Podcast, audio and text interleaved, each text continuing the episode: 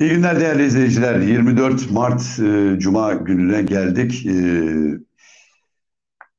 haftanın son iş günü. E,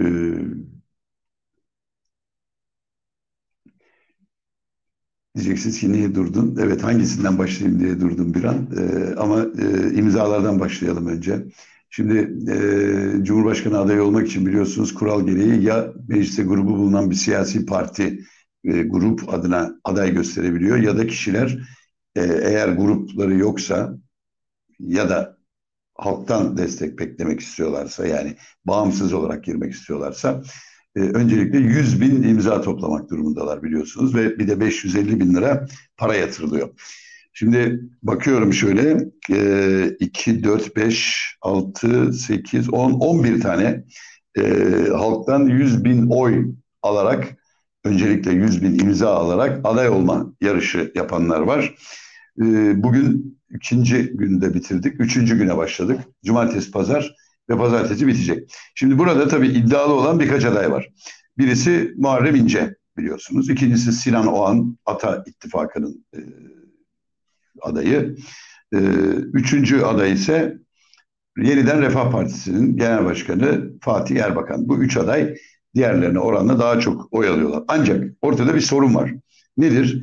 Ee, bu üç isim çok iddialı. Bir de dördüncü isim var. Doğu Perinçe'yi de katalım.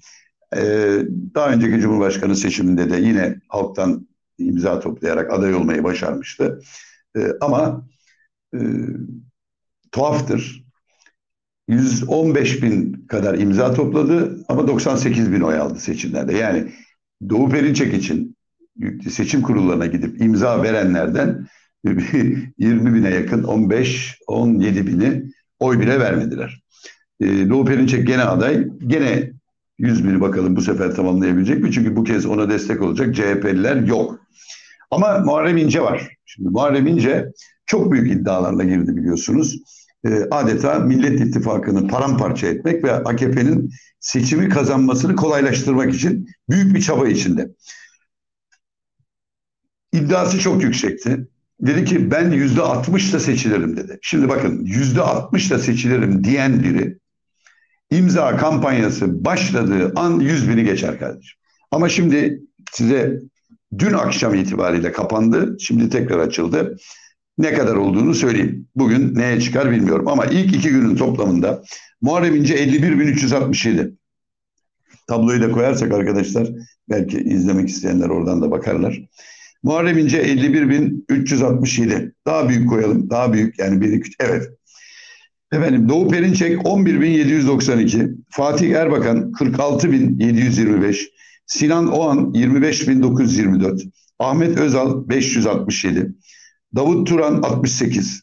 Erkan Türükten 755. Murat Ünver 211. Hilmi Özden 151. İrfan Uzun 319 ve Yakup Türkal 1645 kişiden şu ana kadar oy almışlar. Burada çok belli ki e, üç isim belki 100 bini geçecek. Ancak bunlardan Muharrem İnce'ye e, şunu söylemek istiyorum. Büyük bir yenilgidir bu biliyor musunuz? Ve eğer bugün de tamamlayamazsa, bugün de 100 bini tamamlayamazsa, cumartesi, pazar ve pazartesi kıl payı ya da yüksek oranda bilemem. Ama artık Muharrem İnce AKP'nin oylarıyla, AKP'li seçmenlerin ya da AKP teşkilatlarının oylarıyla 100 bini bulduğu iddiasının altından kalkamaz. Bakın Meral Akşener 2018'de aday olduğu zaman daha birinci gün 118 bin yanılmıyorsam sayıyı bulmuştu. Ve ilk gün zaten adaylığı garantilenmişti. Ondan sonrası fark etmez. Ama Muharrem İnce bu kadar büyük iddialarla her taraf e, memleket partisi istiyor. Herkes bizi istiyor iddiasına rağmen hala 51 bindeyse 3. günün başında hala oradaysa arkadaş senin çekilmen lazım. Ha ben kendimi rezil kepaze edeceğim. İyice batacağım, batağa gireceğim ve insan için artık çıkmak istemiyorum demiyorsa bunu yapmak durumunda. Çünkü neden? Bu kadar iddialı olup da zar zor ancak 51 bini buluyorsan ve Ahmet Özal'ın da televizyonlara verdiği demeçle ortaya çıktı. Benim arkadaşlarım söylüyorlar. Onlar imzaya gittiği zaman tamam Ahmet Özal çok değil ama oraya gittiğim zaman Muharrem İnce için oy verenlere, oy vermek isteyen, imza vermek isteyenlerin çoğu AKP'liydi diye açıklama yaptı. Bunun altından kalkamaz. Ve Muharrem İnce seçimlerin AKP tarafından Tayyip Erdoğan iktidarının yani siyasal İslamcı iktidarın devamını sağlamak için bir aktör, bir aparat olmanın ötesine geçemiyor. Ha Kılıçdaroğlu'nun ziyaretinde döner mi bilemem. Dönse bile dün de kendi köşemde de yazdım. Burada da beyan ediyorum. Hiçbir söylediğimi geri almam. En fazla hayırlı olsun ne yapalım böyle yapıyormuş derim ama bundan sonra da adam muamelesi yapmayacağım ortadadır. Çünkü yaptığı iş hakikaten bu kadar kritik bir anda toplumda bu kadar hareket olmuş bir anda bence hiçbir etkisi olmayacak. İster yüzde beş alsın, ister yedi alsın. Sonucu asla değiştiremeyecek. Ama yaptığıyla tarihe geçecek bir ihanetin de e, içinde olduğunu gösteriyor. Bunu özellikle söylemek istiyorum. Hani geçenlerde dedim ya sert konuşacağım ama buraya geldi kardeşim. Yani bir kişinin kişisel hırsı yüzünden muhalefetin bu kadar birlik olmuş bir muhalefetin kargaşaya düşünmesine neden olması bile ihanettir ve bunun bedelini bu adam çok ağır biçimde ödeyecektir. Bunu da e, buradan söylemiş olayım. Şimdi e, bir görüntü izletmek istiyorum. Sosyal medya izleyicileri bunu gördüler aslında. Tabii gazetelerde, televizyonlarda pek yok. Sabah şeysi bir koymuş. Biraz da kısaltmış çünkü hani onlara bile anlaşılan yani her haberi düzmece olan, her haberi beyin yıkamak, algı yaratmak için olan sabah şeysi bile bazı bölümlerini kısaltmış şey yap. Şimdi Tayyip Erdoğan deprem bölgesine gitti. Yanında her zamanki gibi ekürisi e, Devlet Bahçeli. Tayyip Erdoğan'ın izlerken bu görüntüyü Tayyip Erdoğan'ın ve arkadan şaşkın bir şekilde bakan Devlet Bahçeli'nin yüz ifadesine lütfen dikkat edin. Bir adam Tayyip Erdoğan'ın elini tutuyor ki Tayyip Erdoğan'ın elini tutması için 80 tane güvenlik soruşturmasından geçmesi gerek. Yani Tayyip Erdoğan öyle gittiği yerde zannedildiği gibi halkla iç içe böyle kucak bile falan değil. Onun etrafında 200-300 tane koruma her tarafı sarıyor. O adam önceden hazırlanmış bir şekilde gelip Tayyip Erdoğan elini tutacak kadar yakınlaşabiliyor. Şimdi izleyelim adam nasıl böyle yere bakarak ezberletilmiş bir şeyi güm güm güm güm güm güm söylüyor. Devlet Bahçeli ya dur bir dakika ne oluyor der gibi aradan bakıyor. Tayyip Erdoğan da gayet ifadesiz böyle duruyor. Görüntüyü bir izleyelim. Yok. İş adamının telefonu bende. Numarasını Telefon ettim. Dedim ki beyefendi ne oldu dedim. Bizim konteyner işimiz ne oldu? dedi ki beyefendi sana konteyner vermemiz için dedi il başkanı bile dedi karşı çıkıyor. Siyasiler karşı çıkıyor dedi. Sana dedi biz konteyner veremeyeceğiz. Gelip dedi ya CHP'ye üye olacaksın ya da HDP'ye üye olacaksın ki üye kartına gelip alacaksın. Ben dedim ki ben canlarımı verdim. Ne vatanımı satarım ne de bayrağımı satarım. Sizin gibi vatansızlara ne de üye olur gelirim dedim. Üye olmak o konteynerde ben istemiyorum. Devletin bana dedim iki konteyner verecektiniz. Dört konteyner gönderdi. Devletin bana iki çadır verecekti. Siz verecektiniz. Devletin bana on çadır gönderdi. Tırına gıda gönderdi. Tırına odun kömür gönderdi. Benim sizin hiçbir şeye ihtiyacınız yok. Siz vatan hainisiniz dedim. Kapatıp ya görüyorsunuz değil mi? Yani yalan bir yalan söylenir. Ama kardeşim bir ölçüsü var. Karşısında Cumhurbaşkanı sıfatıyla bir adam duruyor. Bunlar dinliyorlar. Yandakiler dinliyor. Belli ki adam hazırlanmış getirilmiş oraya. Çünkü bakın söylüyorum size. inanın Tayyip Erdoğan'ın yanına bu kadar sokulamazsınız. Eski Çin imparatorları gibi. Hani Çin imparatorlarının da böyle yakınlaşacak adamlar sayılıdır. Ve herhangi biriyle konuşacağı zaman bilmem ne kadar uzakta duracaktır. Yani bıçak atma, ok atma falan gibi bir mesafenin dışında olacak. Elinde zaten her tarafı aranıyor, taranıyor. Aynı duruma döndüler aslında. Öyle Tayyip Erdoğan'ın yanına giremezsiniz kolay kolay. Yanındakiler hepsi bakıyorlar. Ve bunları anlatıyor adam. Neymiş? Efendim demiş ki bana konteyner ya göndereceğiz ama sen bizim partiden değilsin. Ya CHP ya HDP. Ya bir şey söyleyeceğim. Hani hafsalayı aşan bir şey. Hani dese ki HDP'yi hiç katmasa. Ya sen bizim partili değilsin. Git kaydını ol, ilçeden kağıt getir, verelim ki yani bunu yapacak CHP'li bakın ben size söyleyeyim. Yani bir tane bile çıkmaz. Aptal mı ya bu kadar insanlar? Aptal mı yani oradan gelen vatandaşa partimize ya da HDP'ye üye olmazsan sana konteyner yok diyecek kadar kendinden geçmiş biri olabilir mi? Ha kim olabilir? Ajan olabilir. Bir tane girer böyle bir şey söyler. Ama adamın zaten anlatmışsan öyle bir şey yok. Çünkü isim veriyor. Ee, Ali bir şey neydi? Yani CHP Genel Başkan Yardımcısı. O diyor talimat verdi diyor. Ama birbirleri böyle söylediler. Şimdi bakın seçime böyle gidiyorlar. Ve bugün baktım o bir Optimar'ın başkanı vardı biliyorsunuz Veli bilmem ne. Ee, o çıktı ya, dedi ya televizyonda. Ee, PKK'nın adayı Kemal Kılıçdaroğlu. Şimdi bunu slogan haline getirmişler. Baktım bugün saray medyasındaki pek çok yazarcı tip hepsi başlıklar filan atmışlar. Yani Kılıçdaroğlu PKK'nın adayı. Kılıçdaroğlu Bundan medet umuyorlar. Tutar mı? Bakın keskin AKP'li olup da başka hiçbir partiye oy vermeyecek olanlar da çok etkili olur. Zaten vermeyecek adam. Ama ben de toplumun içindeyim kardeşim. Millet bunlara böyle bakıyor, şaşkınlıkla bakıyor. Çünkü neden? Herkes farkında. Bu iktidar gitsin. Bu arada ben CHP içinde de hala görüyorum. İşte bu İyi Parti'deki çalkantıdan dolayı etkilenen bir sürü CHP'li var. Efendim ne olacak? Yani e, tamam seçimi kazanalım. Peki sonra? Bak arkadaş çok açık ve net söyleyeyim. Bırakın artık bu sonradan ne olacak? Şimdi sonradan ne olacağı hepimiz biliyoruz. Sonradan olacağı ben size özetleyeyim. 6-7 parti belki 7-8 parti parlamentoya girer. Bir güç birliği içinde. Ama o andan itibaren herkes kendi yoluna gidecek. Şimdi buradan korkmanın alemi yok. Türkiye'deki bütün siyasi görüşler, bütün renkler Türkiye Büyük Millet Meclisi'ne yansımış. Bunda hiçbir sakınca yok ki. Oraya gider. Ondan sonra demokratik bir terbiye içinde orada değişik ittifaklar kurulur, yapılar oluşur. Koalisyondur. Dünyanın bugün pek çok ülkesinde zaten koalisyonlar var. Birbirleriyle farklı düşünen, farklı yöntemleri olan, farklı ideoloji olan partiler asgari müştereklerle bir araya gelip ülke yönetimini devralırlar. Burada korkulacak bir şey yok. Şimdi bugün bir takım CHP'lilere soruyorum. Efendim HDP ile işbirliği yok efendim Doğu Parti şey AKP'nin kuruluşunda yer almış olan iki tane adam. Yani biz onlarla mı olacağız? Ya olmayacaksın güzel kardeşim. 21 yıllık bir saltanat var. Bakın saltanat diyorum. Padişahlık gibi. Bir saltanat var. Ve bir ucube sistemle ülkenin kılcal damarlarına kadar her şeye hakimler.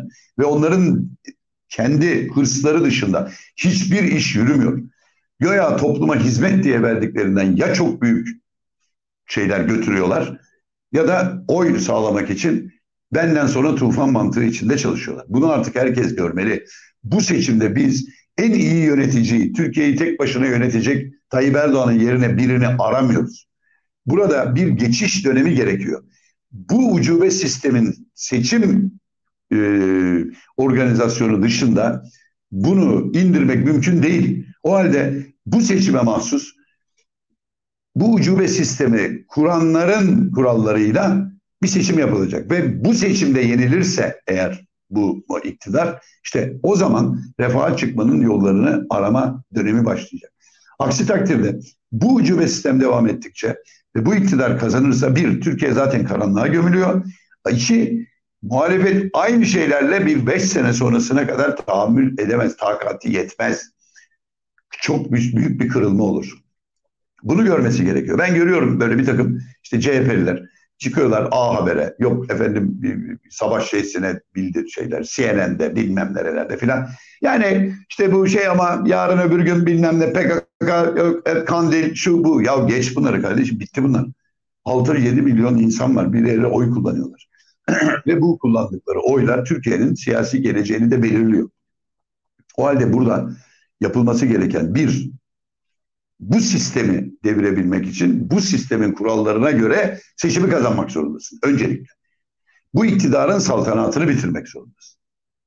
Ha, bunu görmeyip de e ama işte ondan sonra biz PKK ile mi? Gördüm mesela dün yani hadi adını vermeyeyim çünkü hemen saldırıya geçiyorlar. Nasıl vuruyor? Yani diyor PKK ile mi olacak? Bu Davutoğlu ile mi olacak? Bu bununla mı? Ya bunların hiçbiri olmayacak kardeşim. Herkes kendi yoluna gidecek. Bunu anlamıyor musunuz?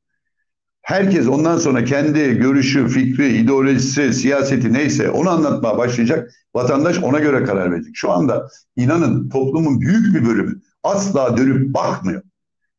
Kim kimi destekliyor bilmem ne. Öncelik bu. Bu bir düşmanlık değil. Ne Tayyip Erdoğan'a düşman insanlar ne e, AKP'ye. Ama yeter burada. Yetti artık. Şimdi gelelim bir son şeye. E, bu seçim pek çok usulsüzlüklerin yasa dışılıkların ve anayasala e, dışılıkların da bir e, arenası oldu. İşte en başta AKP Genel Başkanı Tayyip Erdoğan'ın üçüncü kez aday olması var. Hala bir karar yok. O karar bakalım önümüzdeki günlerde çıkmış olacak. O zaman öğreneceğiz. Belki de bugün çıkar. Bilemem yani. Yola devam diyebilirler ya da aday olamaz diyebilirler. Onu Ama bakın bir başka hukuki sorunumuz daha doğdu. Şimdi bu e, Cem Toker dün akşam beni de etiketleyerek bir tweet atmış. E, diyor ki anayasa gereği şey yasalarımız gereği bugünkü bakanlar devlet memuru statüsündedirler. Bu nedenle aday olamazlar. E şimdi Tayyip Erdoğan ne dedi? 17 bakanımı da milletvekili adayı yapıyorum diyor. Şimdi bu yasaya aykırı. Şimdi neden? Bakın diyeceksiniz ki canım bundan önceki seçimlerde milletvekilleri şey bakanlar istifa mı ettiler? Ha şimdi bir fark var yalnız. Bu ucube sistemde bir parlamento seçiliyor, iki cumhurbaşkanı seçiliyor. Daha sonra cumhurbaşkanı atama yoluyla bakanlarını tayin ediyor. Dikkat ederseniz ben çok uyardım. Tayyip Erdoğan'ın ağzından da diğer AKP'li yetkililerin ağzından da bizzat bakanların da ağzından hiç hükümet sözünü biz duymadık. Hep kabine. Kabine nedir? O da bir yer, mekan odur yani. Kabine parlamento dışı atandı. Bir anlamda devlet memuru statüsünde onların hepsi. Neden? Hiçbir siyasi sorumlulukları yok. Seçimler bitti. Cumhurbaşkanı belirlendi. Cumhurbaşkanı parlamento dışından dilediği kişileri ama Cumhurbaşkanı yardımcısı ama bakan olarak atadı. Sonuçta onlar devlet memuru, kamu görevlisi e, sıfatındalar. Daha önceki sistemde parlamento içinden oluştuğu için gene dışarıdan bakan alınabiliyordu ama işin özü parlamenterler arasından seçildiği için her birinin siyasi sorumluluğu vardı ve seçim dönemi geldiğinde bu bakanlar da milletvekili adayı olabilirdi. Fakat bakın eski sistemde üç bakan, İçişleri Bakanı, Adalet Bakanı ve Ulaştırma Bakanı seçimlerden bir ay önce ya da iki ay önce tam yanlış söylemeyeyim. Yani seçim takvimi başladığı an görevlerinden istifa ederler ve yerine bağımsız nitelikte üç bakan atanır. Neden? Çünkü seçimleri etkileyecek en önemli üç bakanlık var. Tabii biraz geçmişe doğru gidince daha da önem kazanıyor. Bugün için o iletişim iletişim çok hızlandı ama neydi Adalet Bakanı? Yargı, yargının bağımsız olduğunu göstermek için Adalet Bakanı'na bir siyasi sorumluluk verilmezdi. Bir, iki Ulaştırma Bakanı. Ulaştırma Bakanı da bütün ülke içindeki trafik hareketlerini yönettiği için bir anlamda. Tabii geçmişteki seçimler şimdiki gibi değil. Şimdi uçaklar, helikopterler her yere gidip geliyor ama hani orada bir engel çıkarılmasın. Eskiden otobüslerle, trenlerle giderdi liderler toplantılara. Şimdiki gibi böyle özel uçaklarla falan değil. Üçüncüsü de İçişleri Bakanı. İçişleri Bakanı da bütün asayişten sorumlu olduğu için jandarma ile birlikte onun da tarafsız olması, bağımsız biri olması gerektiğine hükmetmişti. Çok iyi niyetle. O da en azından siyasi sorumluluk yüklenmeyen biri olurdu. Fakat bu sistemde böyle bir istifa yok. Neden yok? Çünkü atanmış kişiler hiçbiri siyasi sorumluluk sahibi değiller. Devlet memuru statüsündeler. Yani nasıl seçim geldiği zaman karayolların genel müdürü yerinde kalıyor, tapu müdürü yerinde kalıyor, sağlık müdürleri, milli eğitim. Neden? Çünkü devletin görevlileri onlar. Şimdi bakın kimler aday olamaz konusunda listeye şöyle bir baktım. Kimler olamıyor? Yani istifa etmeleri gerekiyor görevlerinden aday olabilmek için. İstifa etmeden aday olamıyorlar. Hakimler, savcılar, yüksek yargı organlarının mensupları yani Danıştay, Yargıtay, Sanıştay, e, Anayasa Mahkemesi falan gibi yüksek öğretim kurullarındaki kurumlarındaki öğretim üyeleri yani profesörler, doçentler, asistanlar bunlar YÖK üyeleri, RÜTÜK üyeleri, e, kamu görevlileri, memur statüsünde olan işçi statüsünde olmayanlar. İşçi ise istifa etmeden aday olabiliyor ama devlet memuru 657 sayılı devlet memuruysa oluyor. Sözleşmeli personel olan istifa etmek zorunda. Efendim subaylar, az subaylar, belediye başkanları, partilerin il ilçe yönetim e, şey başkanları ve yönetim kurulu üyeleri, belediye meclis üyeleri. Bunlar kamu görevlileri sayıldığı için görevlerinden istifa ederek aday olmaları gerekiyor. İl Genel Meclisi üyeleri, meslek kuruluşlarının, sendikaların ve bunların bağlı kuruluşların bütün üst düzey yöneticileri bunlar aday olamıyorlar. Şimdi bugünkü bakanların hepsi devlet memuru statüsündedir. O halde istifa etmeden, görevlerini bırakmadan, belirlenen tarihte bırakmadan aday yapılmaları yasalara aykırı. Şunu söylemek istiyorum. Bu Cem Toker bu tweet'i attıktan sonra yani pek çok kişi ya olur mu böyle şey saçmalama gibi şeyler de tabii kimine de şey. Ama ben burada hani o bir tweet cümlesini biraz daha açmak istedim ki zihinlerde de oluşsun. Ha sonucu ne olur? Sonuç gene Yüksek Seçim Kurulu onun önünde çok ciddi bir hukuki sorun durumu. Yani yarın aynı şekilde bir iktidar değişikliği halinde Yüksek Seçim Kurulu'nun anayasal görevleri yerine getirmediği konusunda çok ciddi davalar açılabilir. Şimdi bu Savaş Şeysi dün internet sitesinde benle ilgili yayın yaptı. İşte Can Ataklı Yüksek Seçim Kurulu'nu tehdit ediyor. Ya arkadaş durumu göstermek, durumu söylemek ve bu konuda uyarmak neden tehdit olsun? Bir şeyi söylüyoruz değil mi? Yani bugün bir mahkemeye eldeki bütün deliller olduğu halde bir sanığı beraat ettiriyorsa, bir katili beraat ettiriyorsa, bir teröristi beraat ettiriyorsa, yani kalkıp da benim ya da bir başkasının arkadaşlar bak bunu beraat ettiriyorsunuz ama bu bu bu bu deliller var. Buna rağmen bunu yapıyorsunuz. Takdir hakkı mı kullanıyorsunuz? Ne kullanıyorsanız ama yarın bu sorun olur demek mahkemeyi tehdit mi? Durumu ortaya koyuyoruz. Tayyip Erdoğan'ın üçüncü kez aday olması anayasaya göre mümkün değil. Bunu da bütün ciddi anayasa uzmanları, anayasa profesörleri, yasa yapıcılar bunu zaten söylüyorlar. Bunun aksini söyleyen kim var? Bir tek AKP ve koalisyon ortakları. Onlar dinlemiyorlar bile. Boş şeyler bunlar falan diye geçiriyorlar. Ama ben de bir uyarıda bulunuyorum. Yarın iktidar değişirse bu konu gündeme gelir. Gündeme geldiği zaman hukuken bakıldığı zaman bunların anayasaya aykırı olduğu görülür ve sizler de bu konuda mahkum olursunuz diyor. Bu kadar basit. Şimdi yepyeni bir sorun daha var. Evet bir tweetle söyledi bunu Cem Toker. Karşı çıkanlar da var. Ama sonuç hukuki bir durumdur. Demokrasilerde ve hukukun olduğu ülkelerde bunlara dikkat edersiniz. Etmek zorundasınız. Ha şu anda diyeceksiniz ya ne hukuku ne anayasası işte. Tayyip Erdoğan söyler başkaları yapar. Peki ama devran değişirse o zaman bütün bunlar işte bu kararları alan ve bu konudaki uyarıları ciddiye almadığı gibi bir de bu uyarıları yapanları bir şekilde şikayet etmeye, suç duyurusunda bulundurmaya, efendim tehdit etti diye suçlamaya kalkanlar bunun altında kalırlar. Ben bunu söylemek istedim. Bugünlük bu kadar. Ee, yarın ve pazar günü biliyorsunuz e, sizlerden gelen sorulara cevaplarımı vermeye çalışıyorum. Uyarılar, eleştiriler, e, önerilerle ilgili bir hafta sonu sohbeti yapıyoruz. Onları da kaçırmamanızı e, rica ediyorum.